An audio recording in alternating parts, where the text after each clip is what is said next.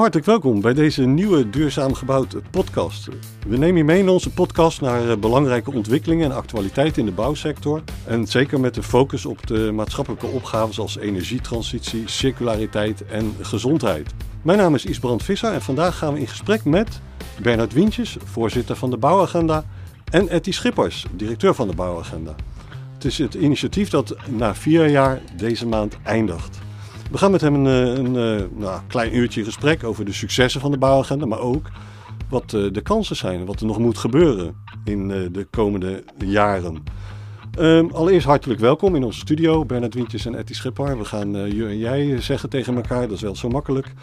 Uh, fijn om even achter het beeldscherm vandaan te komen, of zitten jullie bestaan er anders in, Etty?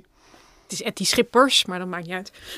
um, nou, grotendeels natuurlijk wel achter het scherm. Maar wij hebben wel het geluk dat we in een groot kantoor zitten in Den Haag... waar we nog wel terecht kunnen. Eén keer per week eigenlijk. Dus, uh, en ja. hoe, hoe, ziet dan de rest van jouw bestaan eruit? Uh, ja, dat is toch wel veel achter het scherm, hè? thuis. thuis. En, uh, ja. ja. ja. Terwijl de, de, die, die, die, die, dat netwerken en die verbanden, dat is echt heel belangrijk. Lukt, lukt jou dat een beetje?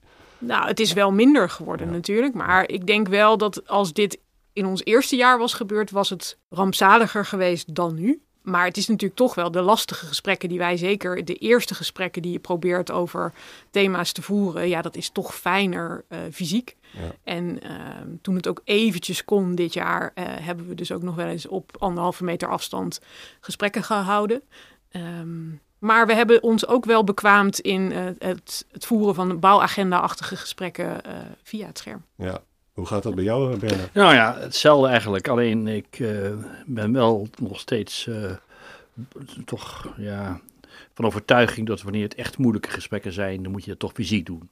En dat doe ik ook. Hè. Dan als, dat zie je ook bij bewindslieden. Uh, ja, dan is het heel lastig via Teams te vergaderen. Maar goed, dan heb je een grote zaal, je hebt eh, alle voorschriften die daarvoor gelden, die hou je ook aan. Dus ik, ik zeker, want ik ben natuurlijk in de kwetsbare leeftijd. Maar het is, het is, het is lastig. Als je met een vergadering met tien mensen bent en je ziet tien, tien hoofden op je scherm, kun je eigenlijk niet voelen wat mensen denken. En dat is lastig. Voor mensen die je goed kent is het minder lastig. Mensen die nieuw zijn is het toch heel lastig. Ja. Is er iets wat jullie dit jaar hebben doorgekregen, toch achter dat beeldscherm? Iets belangrijks, wat je nog herinnert? Ja, eigenlijk ons voortdurende, ons voortdurende werk is natuurlijk nu achter de beeldscherm. En wij hebben natuurlijk een aantal de zaken geborgd. Je, zei het al, vier jaar bouwagenda. Het laatste jaar is natuurlijk de tijd om te borgen. Om te zorgen dat we na vier jaar niet in de geschiedenis verdwijnen in de kelders van de ministeries. Dus je bent, bent, nu bezig geweest om het zo, om het zo te organiseren uh, dat uh, datgene wat moet gebeuren in de komende jaren ook geborgd is. Dat, en dat is lastig in, uh, op een afstand via internet. Ja, we nou, hebben nog wel energiesystemen hè, opgepakt. Ja. Dus dat was nog wel het, het een energiesysteem van de toekomst voor de bouw. Hoe, de, hoe dat eigenlijk zo verweven is met die energietransitie in die wijk. En je kan eigenlijk pas in die wijk echt goed aan de slag als je weet wat het nieuwe energiesysteem is voor de toekomst. Ja. En dat zat in het klimaatakkoord nog niet helemaal goed. Dus dat hebben we dit jaar nog opgepakt. En toch, ja, daar hebben we dus één bijeenkomst van gehouden fysiek. En alle andere teams. Uh, via Teams. Ja. ja. Nou, misschien dat we daar straks nog uh, wat dieper op in kunnen ja. gaan. Want ik wil toch even terug. Hè? Vier jaar uh, bouwagenda. Uh, een schone taak om voor een ja, revolutie, of in ieder geval toch een enorme versnelling in de bouwsector te komen. Um, we willen graag weten van jullie of die revolutie ook zich daadwerkelijk heeft voltrokken. Um, allereerst, hè, jullie verschillende rol daarin. Etty, jij bent de directeur. Je bent denk ik later aan, aan boord gekomen, toch? Nee. nee? nee. Je was al meteen ik, van Ik was er al voordat de bouwagenda er Voordat was. ik er was. Ja. ja. nee, dat sowieso. Maar ook voordat de bouwagenda de bouwagenda was. Dus ah. ik heb de Kamerbrief mogen schrijven voor het ministerie van Economische Zaken. Daar werkte ik toen. En die de bouwagenda heeft doen ontstaan. Ah. Dus ik ben echt ook in dat, die fase was ik al betrokken. Oké, okay. ja. en, en uh, je hebt ook die lijnen uitgezet om, om zeg maar, dat programma te ontwikkelen. Ben je daar tevreden over geweest? Zeg maar, even die, die, die opzet, hè? want het is toch iets bijzonders, uh, bouwagenda. Zeker. Nou, wat wij aantroffen toen we dus uh, er eigenlijk werd nagedacht over wat zouden we nou voor nieuw initiatief moeten starten in de bouw. Toen zagen we dat er al veel voorgangers, de regieraadbouw, het bouwteam van Spies, allemaal waren die eigenlijk al bezig met um, de roadmap zoals wij die al hadden. Dus de problematiek in de bouw van te weinig innovatie, uh, te weinig opschaling, uh, te weinig samenwerking, al die issues waren er eigenlijk al. Alleen wat de bouwagenda uh, anders maakt dan al die voorgangers was dat wij hebben gezegd, dan moeten we er ook vier jaar met een team en taskforce onder leiding van een uh, onafhankelijk voorzitter ook mee aan de slag blijven. En niet alleen maar een mooi rapport opleveren, maar ook gewoon vier jaar lang uh, daaraan duwen en trekken om het van de, van de kant te trekken. Ja, en daarom is Bernard aangetrokken. Ja. voelde je je prettig in die rol en had jij al die verbinding met de bouw? Ja, nee. Ik, ik ben ondernemer geweest heel lang, heel lang, heel veel jaren, totdat ik voorzitter van VNO-NCW werd.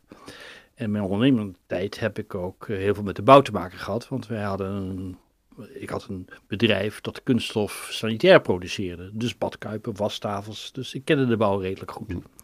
En ik kende dus de, de, de branche heel goed, omdat ik als voorzitter van uh, VNO-NCW natuurlijk ook met de bouwbranche en de andere branches, zoals de techniekbranche en ingenieurs, heel veel te maken had. Dus ik kende die wereld goed. Uh, en ik ben natuurlijk ook gevraagd hiervoor door Maxime Verhagen, voorzitter van Bouw Nederland. En die kende ik natuurlijk ook buitengewoon goed. Dus het was geen verrassing. Het was wel van begin af aan duidelijk dat het een buitengewoon moeilijke opgave zou zijn. En, uh, want ik kende natuurlijk wel de, ook de gebreken in de bouw. Hè. Met name toch het gebrek aan traditie van een goede samenwerking op het gebied van innovatie, op het gebied van schaalvergroting. Dat was er heel vroeger wel in de bouw, maar er zijn problemen geweest. Er is de bouwfraude geweest. Die heeft eigenlijk op dat terrein heel negatief gewerkt, want daar was een soort angst om, om samen te werken, wat in de industrie heel normaal is, maar in de bouw werd die samenwerking eigenlijk, dat mocht niet meer.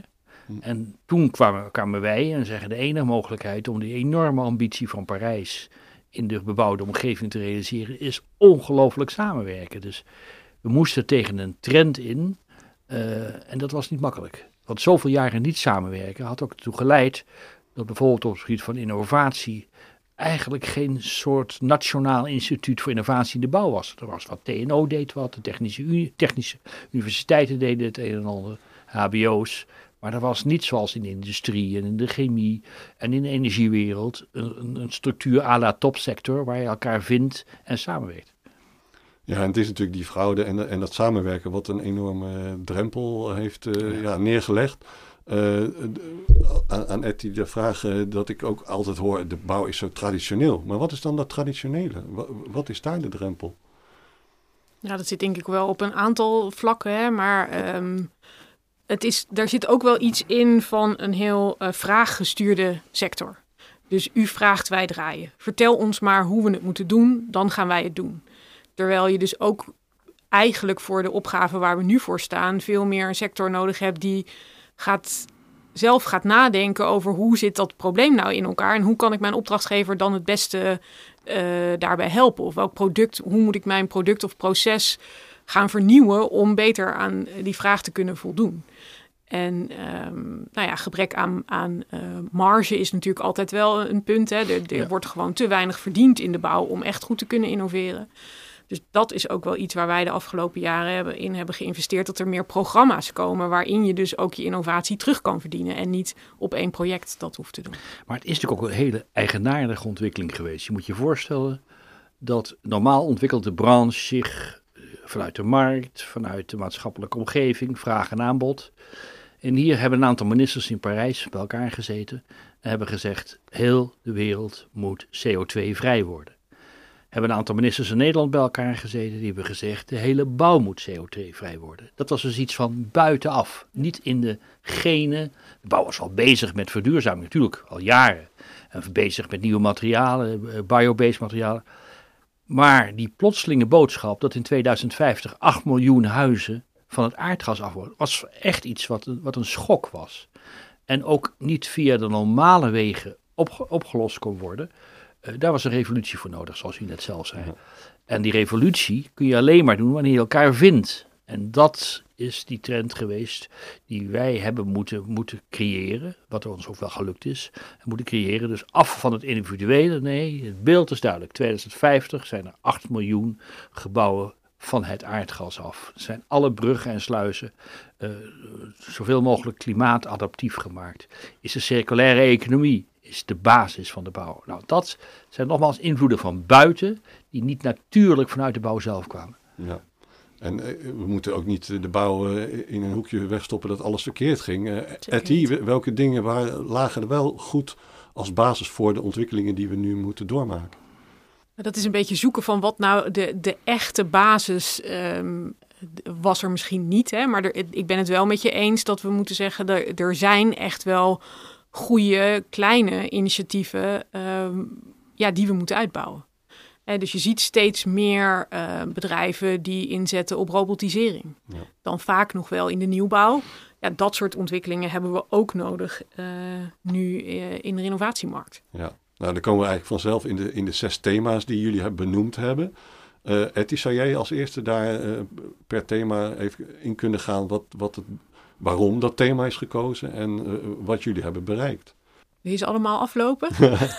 nou, begin maar. Ja, waar het thema wat we natuurlijk um, eigenlijk als eerste hebben opgepakt is de verduurzaming van de corporatiewoningen. Ik denk dat dat daar was, ja, de basis het makkelijkst misschien om te zeggen. En aan de andere kant was het daar ook wel de, de, de corporaties en uh, het Rijk waren nou niet, op, uh, waren nou niet heel erg uh, prettig met elkaar in gesprek. Laten we het maar zo zeggen. En ehm, daar hebben wij wel echt in geïnvesteerd om dat gesprek ook weer op gang te laten komen tussen het ministerie van Binnenlandse Zaken en de corporaties. Um, maar alleen dat gesprek vinden wij dan ook niet genoeg. Het gaat er echt om hoe kunnen we nou die aantallen gaan bereiken. En daarom hebben we met zowel uh, de corporaties als ook met de woonbond en de bouwers en de installateurs uh, de renovatieversneller ontwikkeld.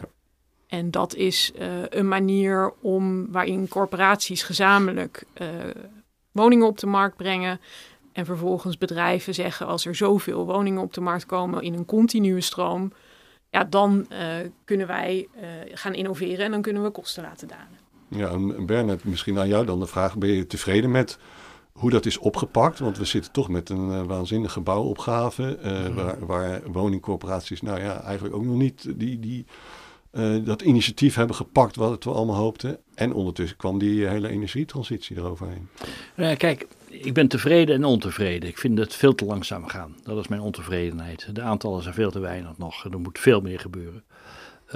dat is ja, mijn ontevredenheid. Ik ben tevreden dat de partijen bij elkaar gekomen zijn en, en die noemde al de renovatieversneller, dat die gestart is. Alleen er zitten kinderziektes in. Dat is ook een eerste ronde. Het gaat in rondes. Hè. Elke, elke ronde kan men opnieuw inschrijven. In de eerste ronde blijken een aantal kinderziektes in te zitten. Positieve is dat alle partijen zeggen: we gaan toch door. Vaak zie je dan als het niet lukt, nou ja, dan stoppen we weer. Gaan we weer het wiel opnieuw uitvinden. Nee, we gaan gewoon door. We gaan de fouten eruit halen. Alleen het tempo is ons veel en veel te traag.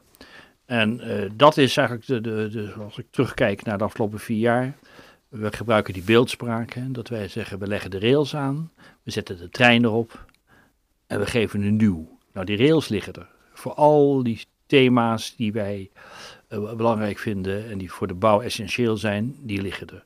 Hier en daar begint er ook een trein een klein beetje te puffen, maar de echte doorbraak moet komen in de komende jaren. Dus die rails is onze verantwoordelijkheid ook. Kijk, wij zijn geen uitvoerende organisatie, want die uitvoering moet tot 2050, dus dan zouden we niet voor vier jaar benoemd zijn. Maar het gaat af en toe, het is moeizaam. Het is natuurlijk een hele, een hele uh, de bouwbranche is oud. Er zijn er buitengewoon innovatieve mensen bij, maar het is ook wel heel veel bedrijven, heel groot. Er zit heel veel bureaucratie bij de opdrachtgevers, denk aan de overheid. Dus het is een schip wat niet snel van koers te veranderen is. Maar we hebben het stuur uiteindelijk te pakken gekregen en de koers is aan het veranderen. En we hopen nu het achter te laten met een aantal afspraken, met een aantal organisaties, met een governance. Ook met het begin van technologische ontwikkeling. Wat echt in de komende jaren tot 2050 die opgave uh, uitgevoerd wordt. Een van die uh, rails uh, was het thema aanbesteden. Ja. Wat is daarop gebeurd, Etty, en hoe tevreden ben je erover? Ja, dan haal je er een goede uit. Hè. Dat, is, dat is ook een van de thema's die vanaf het begin Ehm, zeker ook door de bedrijven werd genoemd als eh, eentje waarop het vast zou zitten. Nou, een belangrijke constatering, denk ik, die we gedaan hebben, is dat het niet vastzit op regelgeving. Dus het is niet zo dat de aanbestedingswet veranderd moet worden. Maar het gaat erom over hoe die wordt toegepast. En um, daar zie je nu wel de afgelopen jaren een aantal goede ontwikkelingen. Rijkswaterstaat is bijvoorbeeld echt gaan kijken hoe kunnen wij nou beter um, inzetten, zowel op innovatie als op uh, het verminderen van risico's in, in die hele grote aanbesteding, die grote projecten die ze doen. Dus dat is denk ik een mooie ontwikkeling waar wij als bouwagenda ook bij betrokken zijn geweest. Um, en daarnaast gaat het dan nog wel over de kleinere opdrachtgevers. Hè. De renovatieversneller is natuurlijk ook een nieuwe manier van aanbesteden. Um, dat moeten we bij de particuliere woningen ook gaan doen.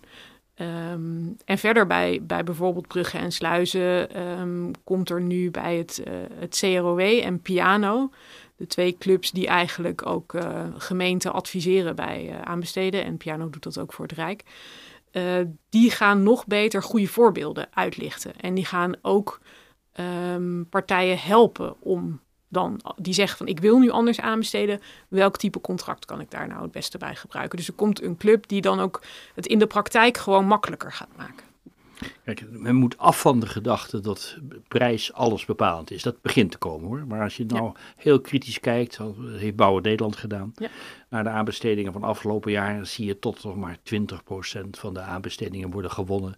Doordat je dus op een duurzame wijze aanbiedt. En van die 20% wordt lang niet als gerealiseerd. Dus wij vinden dat dus innovatie en verduurzaming en ook circulariteit hele belangrijke factoren moeten zijn in aanbesteden. En die via een vorm van een ladder, daar zijn ze nu mee bezig, doorslaggevend moeten zijn bij het verkrijgen van de opdracht. En dat in combinatie met, met uh, dat in de aanbesteding ook rekening gehouden moet worden met, de, met het, de hele leeftijd van het gebouw tot en met het afbreken, tot en met eigenlijk het, de, de circulaire weer hergebruik van materialen, moet veel dominanter in de aanbestedingen komen. En dat gaat gebeuren. Je ziet de eerste voorbeelden. Ja, daar zou het nieuwe kabinet ook eigenlijk ja. het voortouw in moeten nemen. Ja. Om dat ook te zeggen van wij accepteren niet meer dat het maar in 20% van de gevallen gebeurt. Bij ons moet het 100%. Nou in 100%. ja. Ja, ik, vanuit de bedrijven hoor ik inderdaad ook heel veel, veel drang om, om die aanbestedingen wat uh, prettiger uh, vorm te geven. Maar de, angst zit vaak wel bij de kleinere overheden. Ja. Om, ja. om, hè, die, die, die hebben geen houvast en die, die zijn bang voor die prijs. En, uh, ja. en de wethouder die uh, morgen weer in de krant staat en wordt afgemaakt. Zijn daar al doorbraken dat jullie zeggen, ja, je, een gemeente als Amsterdam is daar wel heel goed mee bezig. Maar de kleinere gemeenten, die, die moeten nog komen, denk ik. Daarom is het ook wel mooi dat, dat je bij dat, dat nieuwe centrum voor duurzaam aanbesteden hè, ook eigenlijk alle goede voorbeelden makkelijk toegankelijk worden gemaakt. Ook voor kleine gemeenten. En dat je dus ook advies daar kan krijgen. Ik denk dat dat daarvoor wel belangrijk is. En we zien bijvoorbeeld ook wel, ja, je noemde net uh, Amsterdam, hè, maar ook in Rotterdam is het, uh, het MKB-convenant ja. in, de, in de infrastructuur. Waar echt gewoon de MKB-ondernemers, kleine bedrijven hebben gezegd tegen de gemeente Rotterdam: wij willen met jullie op een andere manier werken. Ja. En uh, dat is ook gelukt. Dus je ja. kan ook als bedrijfsleven de krachten bundelen en uh, zelf initiatief nemen. Ja. En dat steunen we ook zeer, hè? de bouwagenda. Ja. Een van de, de, degene die dat eigenlijk uh, leidt, het hele verhaal, daar is lid van onze taskforce. En een heel belangrijke, hele belangrijke ontwikkeling. Op Trouwens ook de staatssecretaris, ja. Mona Keizer, heeft ja. ook een onderzoek laten doen. En ook met name gericht, precies wat jij zegt, gericht op uh, het probleem van de kleine gemeentes waar ambtenaren echt opgeleid moet worden op een andere manier in te kopen, aan te besteden. Ja. Uh, Bernard noemde de circulaire bouweconomie al. Uh, dat hoor je momenteel ook overal, omdat ze met name toch niet weten van hoe richt je dan die aanbesteding in. En vooral het ontbreken van ja, de normen en de ja. regelgeving. Wat hebben jullie daaraan gedaan? Wat was jullie advies? Want sommigen willen eigenlijk graag. Uh, sommige partijen willen graag van een vaste norm. Wat is circulariteit? Die definitie is op veel manieren te geven. Wat is jullie advies? Nou, daarom is ook wel een van de, de initiatieven van uh, Elfie Nelissen, die bij ons in de taskforce die transitieagenda leiden. Um, is om te kijken naar die definitie. Hè. Dus zij hebben ook een definitie gemaakt. Ik kan hem je nu niet even zo uit mijn hoofd uh, citeren. Omdat het dus ook nog best complex is. Maar zij zegt ook altijd, laten we nou vooral doen um, wat nu al kan. He, ja. Zo circulair ja. mogelijk. Als dat nou al in die aanbesteding zou staan. He, als je dus als je daarmee extra punten zou kunnen krijgen, omdat je zo circulair mogelijk als op dit moment kan uh, het project uitvoert of zegt dat te kunnen gaan doen. Ja, dat zou denk ik al circulair, circulariteit echt een enorme impuls geven. En ook het BTIC is bezig met, een, een, ja, met die kennisontwikkeling en innovaties te stimuleren op circulariteit. Dus dat, dat, ik heb ook wel het gevoel dat circulariteit de komende jaren die extra impuls echt gaat krijgen. Daar waar de energietransitie eigenlijk nu staat voor grootschalige uitvoering, loopt circulariteit daar ietsje achteraan. En ook digitalisering gaat daar natuurlijk een belangrijke rol spelen. Ja, nou, dan snet je meteen het volgende thema aan. Uh, digitalisering en informatisering. Ja, eigenlijk een inkoppertje toch? Ja. daar moeten we mee aan de slag. Of daar zijn we al mee aan de slag. Ja. Eh, zijn er voldoende vorderingen gemaakt, Etty? Ja, ik denk dat de DigiGo echt een belangrijke um, het verschil kan gaan maken daar. Daar, daar komen echt nu ook werkende weg via versnellingsprojecten de issues op tafel waar, waar we nu weer een, een volgende stap mee kunnen gaan maken. En, um, ja. ja. nee, maar dat is gewoon waar. Kijk, bovendien is, is uh, digitalisering essentieel voor uh, circulaire economie. Ja. Ik bedoel, als jij voor 20 jaar een gebouw afbreekt en de materiaal niet wil gebruiken, moet je weten wat erin zit. Dus onze pleidooi is ook geweest, en dat is ook eigenlijk de basis geweest van de oprichting van, uh, van de DigiDeal, die dus vanuit de bouwagenda voortgekomen is. Jongens, zorg er nou voor dat we heel duidelijk een materiaalpaspoort krijgen, één taal spreken. En zodat je echt weet wat zit er precies in dat gebouw. En dat is nog een lange weg. Ja. En in feite, die zei het eigenlijk al, vind ik dat circulair nog moeilijker is dan verduurzaming. Het is ook een nieuwer. Verduurzaming doen we eigenlijk al al lange tijd. Maar het is echt moeilijk. Hè? De worsteling met de definitie, zoals je ook zelf zei, waar nu, eh, waar nu gewoon een definitie afgesproken is, is best moeilijk. Uh, de discussie die, we met, die ik zelf met een keer met een aantal uh, bedrijven en organisaties gehad heb, die zeggen ja, de bouw is totaal circulair, want die bakstenen bij het slopen die gaan onder de nieuwe wegen. Dus we hebben 90%, 95% gebruiken we het. En ik zeg dan, ja, maar dat is geen circulariteit. Want op, de, op een gegeven moment hebben we waarschijnlijk ook veel minder wegen nodig. Want we gaan allemaal autonoom rijden. En dan kun je op diezelfde weg kun je nog vier, vijf stroken hebben. Dus er zullen veel minder wegen aangelegd worden. Dus je moet eigenlijk proberen stenen te, zo te ontwikkelen. Uh, dat ze dus weer hergebruikt kunnen worden als steen. Nou, je weet ongetwijfeld dat de Lego-stenen. Uh, ik bedoel dan niet de plastic, maar de, de, de, de, de, uit baksteen gemaakte Lego-stenen komen nu. Dat zijn hele interessante ontwikkelingen, waarbij het niet meer gevoegd wordt met cement, wat is lastig voor, de, voor het circulair zijn, maar wel met een soort kliksysteem. Dat is de toekomst, maar een hele moeilijke en lange weg. Ja, en is dan de bouw daar uh, voldoende toe geëquipeerd? Of uh, gaan we straks door uh, buitenlandse bedrijven worden over, overgenomen? Nou, niet overgenomen ik, je hoort denk, wel. ik denk dat Nederland niet achter ligt hier op dit terrein. Ik denk echt niet. Ik denk dat we, als je volgt, zoals in Duitsland kijkt, dat we zelfs al voor liggen hier en daar. Dus dat is, dat is het probleem niet. Alleen, ja, wat je zegt, in de automobielindustrie is het heel simpel. Je betaalt je verwijderbijdrage. En daarmee gaat die auto terug en die wordt helemaal ontmanteld. Dat geldt voor vliegtuigen, dat geldt voor eigenlijk alle vervoermiddelen. Dat geldt tegenwoordig voor wasmachines. Dat hebben we in de bouw niet. Ik heb wel eens, we hebben wel eens een keer zo eh, out of the box gezegd, misschien moet er een verwijderingsbijdrage komen bij, bij in de aanneemsom, zoals als jij je auto koopt. Niemand weet dat trouwens, maar in je autoprijs zit een verwijderingsbijdrage. Nou, dat systeem kan pas gaan functioneren, zag je precies al in de automobielindustrie, als er ook een, een industrie is die dat kan doen. En als we het allemaal, zoals met plastic vaak gebeurt, allemaal naar China brengen en het daar alsnog een keer verbrand wordt, ja, dan heeft het allemaal geen zin. Is voor de bouw een enorme opgave, maar wel buitengewoon kansrijk. En bedrijven die zich daar nu op storten, en dat zijn er een aantal, zijn ook echt bedrijven met hele grote kansen voor de toekomst. Uh, het ING-gebouw heb je gezien, het, het ABN AMRO-gebouw. dat is de andere vorm van circulariteit, dat je gewoon die kozijnen opnieuw gebruikt. En misschien de derde keer gebruikt. En, en dat, dat of dat materiaal ook onderdeel of eigenaar, dat de aannemer eigenaar blijft van het materiaal. Hè? Dat zie je ook wel of verantwoordelijk blijft voor de onderhoud. En dan maken ook bedrijven andere keuzes over welk materiaal ze dan uh, uh, gaan gebruiken. En, en de biomaterialen. De, de biomateriaal wordt natuurlijk een, een, enorme uitdaging.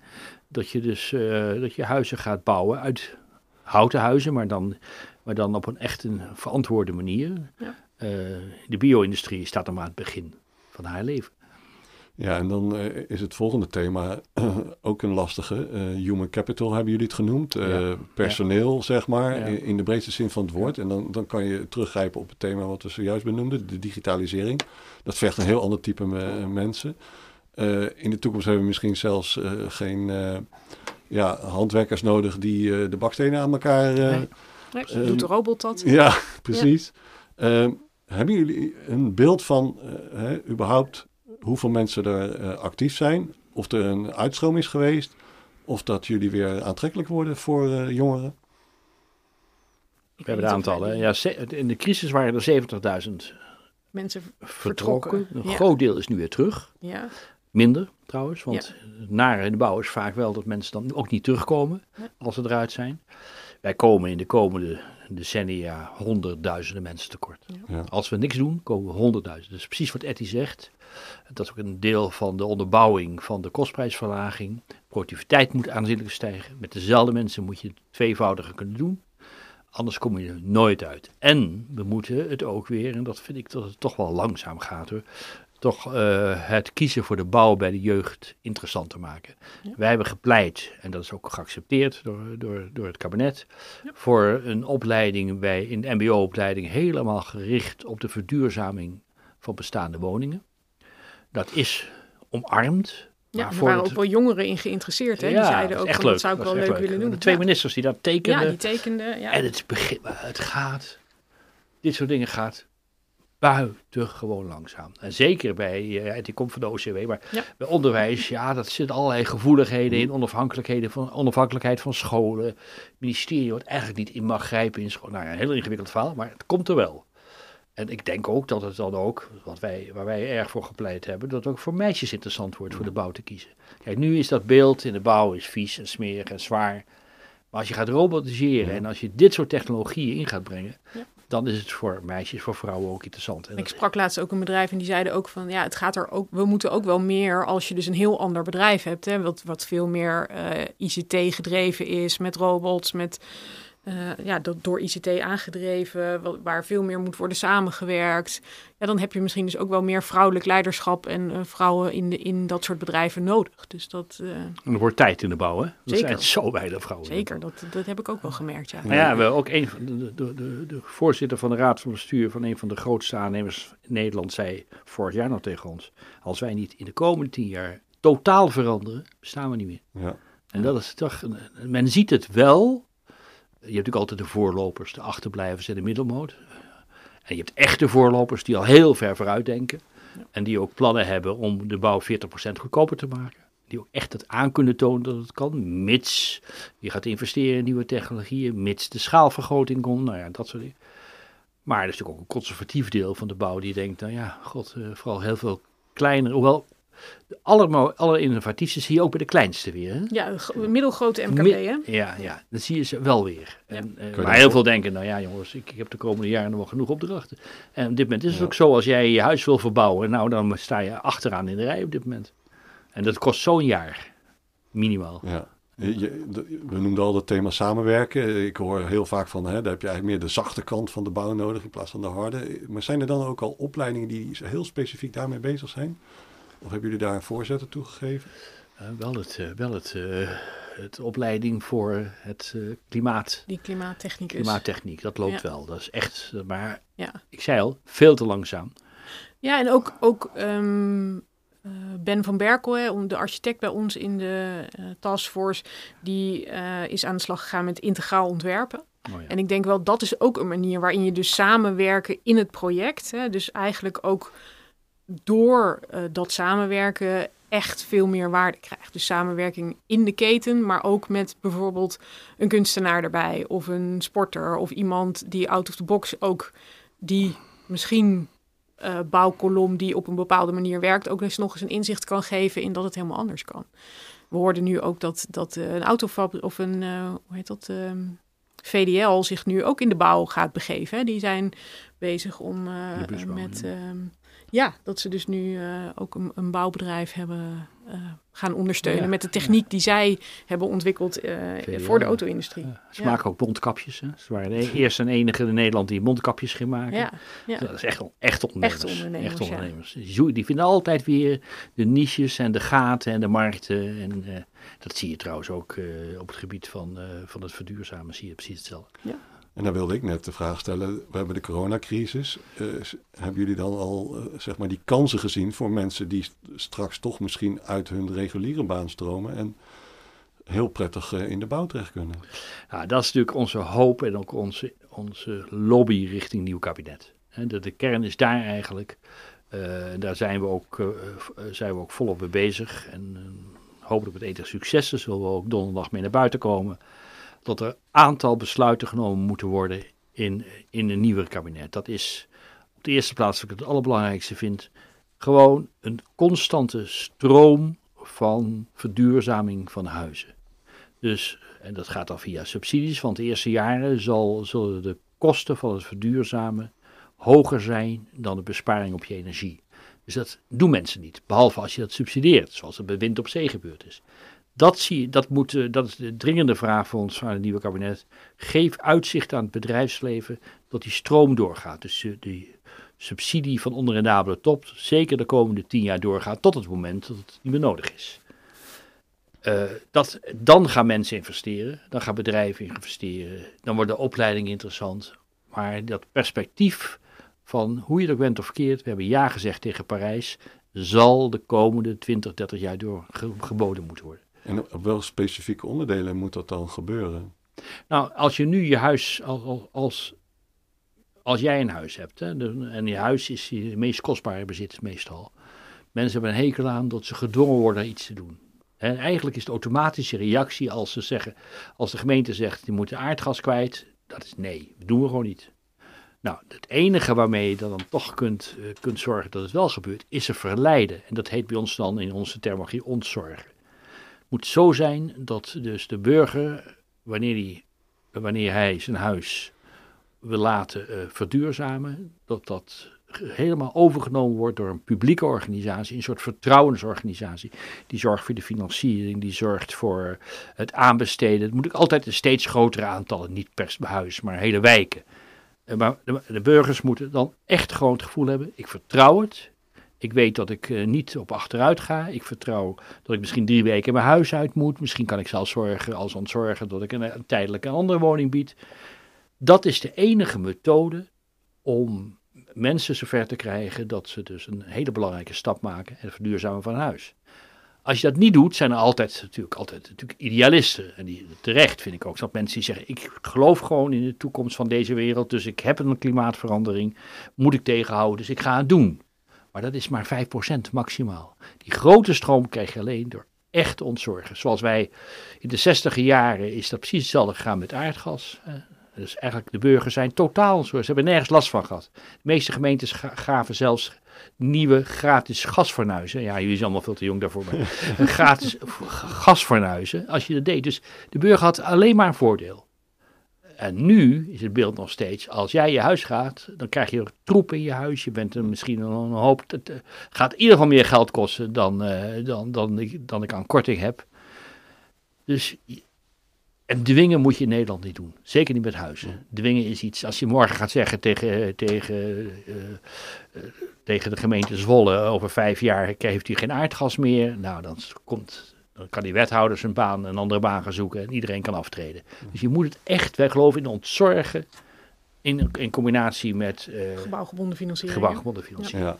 ja. het is wel heel toevallig. Ik heb er net een verhaal over geschreven wat in ons, oh ja? in, in, ons komende nummer komt. Uh, persoonlijk heb ik ook uh, die, die, die worsteling en ik, ik, krijg installateurs over de vloer, maar die offerte is nog nooit gekomen. Het is heel lastig om dat kennelijk ja, in een mooi plaatje te gieten. Eh, Etty, eh, wat is dan de directe boodschap aan, aan de overheid, aan het komende kabinet om dit aan te pakken? Er zijn al een paar ja, minder bekende organisaties die dat voor je kunnen doen, maar eigenlijk het groot publiek weet het nog niet. En dan staan er weer grote koppen in de krant, het is allemaal veel te duur. Ja, nou ja, ik denk dat het eerlijke verhaal is dat het op dit moment dus ook nog te duur is. Maar dat we daarom die grootschaligheid moeten gaan doen. En we moeten het ook slim gaan doen. En daarom hebben wij de afgelopen jaren ook wel echt gepleit voor het ontwikkelen van een rekenmethode. Door uh, de Universiteit Eindhoven is daarmee bezig. En wij noemen het nu wel een beetje een soort supercomputer, waar je dus alle huizen van Nederland in kan doen. En dan berekent die computer wat het beste is om je huis te gaan verduurzamen. En als we dat weten, in combinatie met wat ik helemaal in het begin zei, hè, dat welke energievoorziening de nieuwe energievoorziening in die wijk wordt, plus wat moet je dan aan je huis doen. En je hebt gebouwgebonden financiering. En je hebt die, die um, onrendabele top waar subsidie op komt. Ja, dan gaat er opeens een soort vliegwiel uh, aan. En dan, dus het is niet één ding. En dat is altijd ook een beetje jammer. Politici, journalisten willen altijd graag één ding hebben. Maar dat is denk ik wel een belangrijke les van ons van de afgelopen vier jaar. Er is geen quick fix. Er, het, het is een heel systeem van maatregelen, waarbij het energiesysteem, het ontwikkelen van zo'n rekenmethode, het investeren van nou ja, de aantal dingen die ik net ook al opnoemde, eh, je moet het gewoon allemaal doen. Ja. ja uh, Bernard, eh, jij mag volgende week aanschuiven bij eh, de eerste gesprekken van de formatie. en dan komt die bouwopgave natuurlijk op tafel. Die enorme aantallen. Wat is jouw quick fix? Vraag ik toch. Ja, wij zullen dat donderdag ook in een 15 puntenplan presenteren. Maar eigenlijk is het belangrijkste, zorg gewoon dat je je prioriteiten, een van de eerste vragen hier, een van de, in je prioriteiten, uh, zowel de miljoen extra huizen die nodig zijn in Nederland in de komende 10 jaar, als het verduurzamen van de 8 miljoen gebouwen, dat je die echt prioriteit.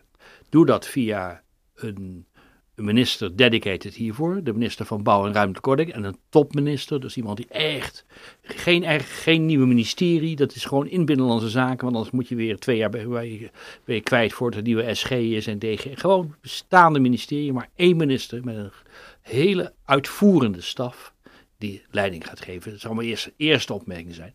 En je komt nu net uit Den Haag. Wat zijn de signalen? Komt die minister? Nou, wij zijn er, we hadden het in de auto over. Wij zijn er trots op. Want we zijn er nou, god, een jaar geleden mee begonnen. Ja. Inmiddels, ik hoorde dat, was dat zondagmorgen, was dat Rutte niet met... Uh, ja, bij WNL. Met, met Hoekstra zeiden ook, er moet een minister van de Bouw komen. Dus we hebben, dat gaat door, denk ik. Maar dan moet je nog een minister hebben die mandaat heeft hè, en ook geld heeft. Ja. Het beeld wat geschapen is in Nederland, uh, een tijd geleden al, is dat het allemaal zonder kosten kan. En dat is natuurlijk echte onzin. Dat wat Andy noemt het eerlijke verhaal, is niet eerlijk verhaal. Je zult misschien wel, als je genoeg innoveert en genoeg automatiseert, over een aantal jaren het punt bereiken dat de besparing van energie ongeveer gelijk is aan de afschrijving van je, van je investeringen. Maar de eerste jaren echt niet. Je moet echt publiek ontzorgen. Ik zeg publiek ontzorgen, want het verhaal wat je net vertelde is, heb ik zo vaak gehoord. Er komen natuurlijk buitengewoon handige en ook wel heel goed bedoelende installateurs bij je. Ik ga je huis aanpakken, het kost je zoveel.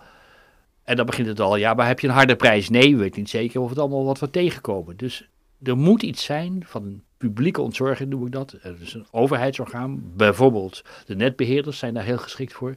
Die zeggen, meneer Jansen, mevrouw Jansen, wij doen het voor u. Wij, dit gaat u per jaar kosten straks. Wij zorgen ook voor de financiering. Dit is, dit is de, de korting op uw energierekening.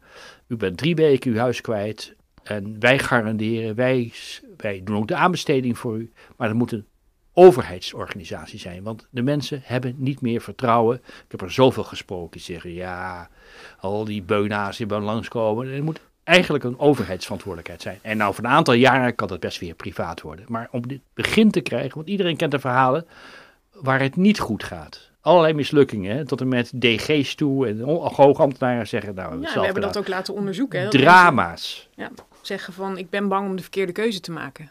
En daarom moet er iemand komen waar ze vertrouwen in hebben... dat die hen helpt om die goede keuze te maken. Of als het dan toch onverhoopt blijkt dat het niet zo is... dan ook helpt om het op te lossen. Ja, want het is echt, was Sebla toch een keer, die uitzendingen, die flats in Utrecht. Ja waar ook drama's. Nou ja, als je dat op in Zembla krijgt, en dat was echt, die mensen hadden gelijk, zo slecht gedaan. Ja, dan ga je als, uh, als andere flatbewoner in die buurt, ga je niet ja zeggen als een of andere uh, organisatie bij je langskomt. Je moet die publieke ontzorging hebben. En ik vergelijk het altijd met hoe het aardgas aangelegd is. Precies hetzelfde. Als je daar iets beschadigt in het huis, het allemaal geregeld voor je. En, uh, het kan wel, maar het vereist, vereist organisatiekracht, leiderschap Uh, en ook wel een vorm van centraal leiderschap. En dat is in de huidige tijd is dat niet zo eenvoudig. Nee, nee nou ja, dat is in ieder geval een mooie boodschap aan uh, ja. de kabinetsformateur. Ja. Etty, uh, deze week komt er dan een einde aan via bouwagenda. Waar, waar, ben je vooral trots op en, en wat gaan we wat is het vervolg? Mag die zomaar stoppen, de bouwagenda? wat zou je willen zien? Ik denk uh, waar ik het meest trots op ben, naast alle mooie resultaten die we net genoemd hebben. Want ik denk dat, dat er echt dus het. We mogen nu in vier wijken in Nederland gaan experimenteren met publieke ontzorging. Er is een renovatieversneller, er is een BTIC, uh, er is een Digigo. Op circulair zijn een aantal goede dingen gebeurd. Dus we hebben echt een aantal mooie resultaten. Maar ik denk dat ook een, een wat zachter resultaat is dat um, dat gesprek en die samenwerking waar we het gesprek mee begonnen, dat die echt veel beter is dan vier jaar geleden. Mensen weten elkaar veel beter te vinden. Um, als je ook ziet nu in corona, de bouw is eigenlijk bijna niet stilgevallen, omdat men elkaar zo goed wist te vinden. En partijen die daarbij betrokken waren, zeiden ook dat komt mede door de bouwagenda. Dus ja, daar ben ik dan wel echt, uh, echt trots op. En als je nou zegt, ja, we, we, stoppen. En het gaat natuurlijk op allerlei verschillende plekken. Die organisaties waar, die ik net noemde, of de resultaten. Dat zijn allemaal organisaties waar ook een deel van de mensen van de bouwagenda doorgaat. Uh, dus dat is mooi. En uh, ik hoop dat die vooral ook gesteund worden door dat nieuwe leiderschap. Wat zegt, we mogen ook echt uh, nu gaan leren. We hebben ook um, met Paul Iske, de, de Chief Failure Officer, uh, een beetje opgetrokken. En uh, die zegt ook wel van ja, iets, een briljante mislukking klinkt eigenlijk dan bij de meeste mensen, oh, dat laten we het niet over mislukken hebben. Maar het gaat vooral over mogen leren. Risico's nemen en innoveren, ja, dat gaat niet altijd goed. Dan weet je van tevoren niet zeker dat het goed gaat. En um, daar wat tolerantie voor op alle vlakken, zowel in de politiek als uh, ambtelijk, als ook van de media. Dat zou ik wel uh, onze opvolgers gunnen. Dat er dus echt gewoon eerlijk leerervaringen gedeeld gaan worden. Ja, nou, het is typisch iets wat uh, bij duurzaam gebouwen goed op zijn plek is. ja, ja nou, maar, wat ik ook heel belangrijk zou vinden, over, over de formatietafel gesproken, is, we hebben dat BTEC opgericht, hè, het Bouw- en Techniek Innovatiecentrum, staat in de kinderschoenen. Het zou enorm geholpen worden wanneer het nieuwe kabinet zegt: we gaan de bouw topsector als topsector behandelen. Dat doen ze de facto al een beetje, maar het, veel, het kan veel sterker. Wat is namelijk de topsector? Dat is het instrument waar overheid, bedrijfsle bedrijfsleven en innovatie elkaar vinden. En dat hebben we een jaar of tien geleden is dat begonnen. Toen was de bouw niet geschikt om daar om topsector te worden. Maar juist de topsector forceert samenwerking en forceert ook innovatie daardoor. En dat hebben we nodig. We hebben die schaalgrootte nodig vanuit in de renovatie versnellen, vanuit ook de, de, zekerheid dat de overheid de komende jaren doorgaat met de onrendabele top te financieren. Maar er moet nog zoveel geïnnoveerd worden. En als je bijvoorbeeld over nadenkt dat die warmtepompen zijn nog steeds hartstikke duur. En mensen hoor ik vaak, ze zijn lawaaiig. Dus je moet wel toevallig een huis hebben waar je dat lawaai kunt isoleren. Uh, allerlei andere ontwikkeld met elkaar nou in Nederland een warmtepomp die de helft kost, of nog minder kost. Wij zeggen twee derde moet van de prijs af. En geen lawaai maakt of nauwelijks lawaai maakt. Nou ja, dat zijn de grote opgaven. Maak een robot die inmeet uh, hoe, de, uh, hoe de verduurzaming, met name de isolatie van huizen moet komen. Die plannen liggen er allemaal. En als je een topsector bent, dan krijg je ook de middelen daarvoor van de overheid. En je krijgt die samenwerking in nog betere mate dan wij op dit moment hebben. Oké, uh, dankjewel. Uh, tot slot nog eventjes. Uh, ik kan me niet voorstellen dat jij de bouw loslaat na deze vier jaar. Nou, kijk, ik heb dat met heel veel liefde gedaan. Van begin af aan, hebben we er niet over gesproken trouwens, hebben wij gezegd. Wij willen niet verlengd worden. Want heel veel organisaties, instituten in Den Haag zijn halverwege de rit al bezig om voor de volgende rit benoemd te worden. Dat willen wij dus niet. Daarmee mis je een stuk kracht. Wij, iedereen wist, wij stoppen. We moeten het borgen. Je kunt nu nog bij ons terecht en dan is het over en uit. Dus uh, het is ook goed. Hè? En, en, wij borgen dat niet door het voortzetten van de bouwagenda, maar dat BTEC heeft inmiddels een heel sterk ingebedde structuur.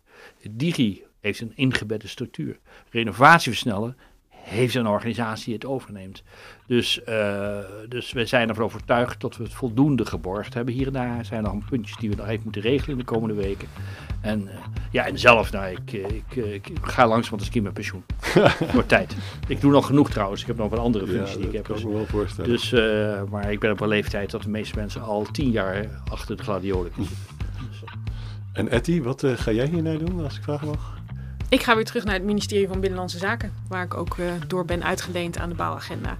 En ik hoop wel dat ik uh, in dat nieuwe ministerie voor de bouw uh, iets mag gaan doen. Nou, dat hoop ik zeker dat dat ministerie er komt. Ja. Dankjewel voor dit interessante gesprek, Bernard Wintjes en Etty Schippers.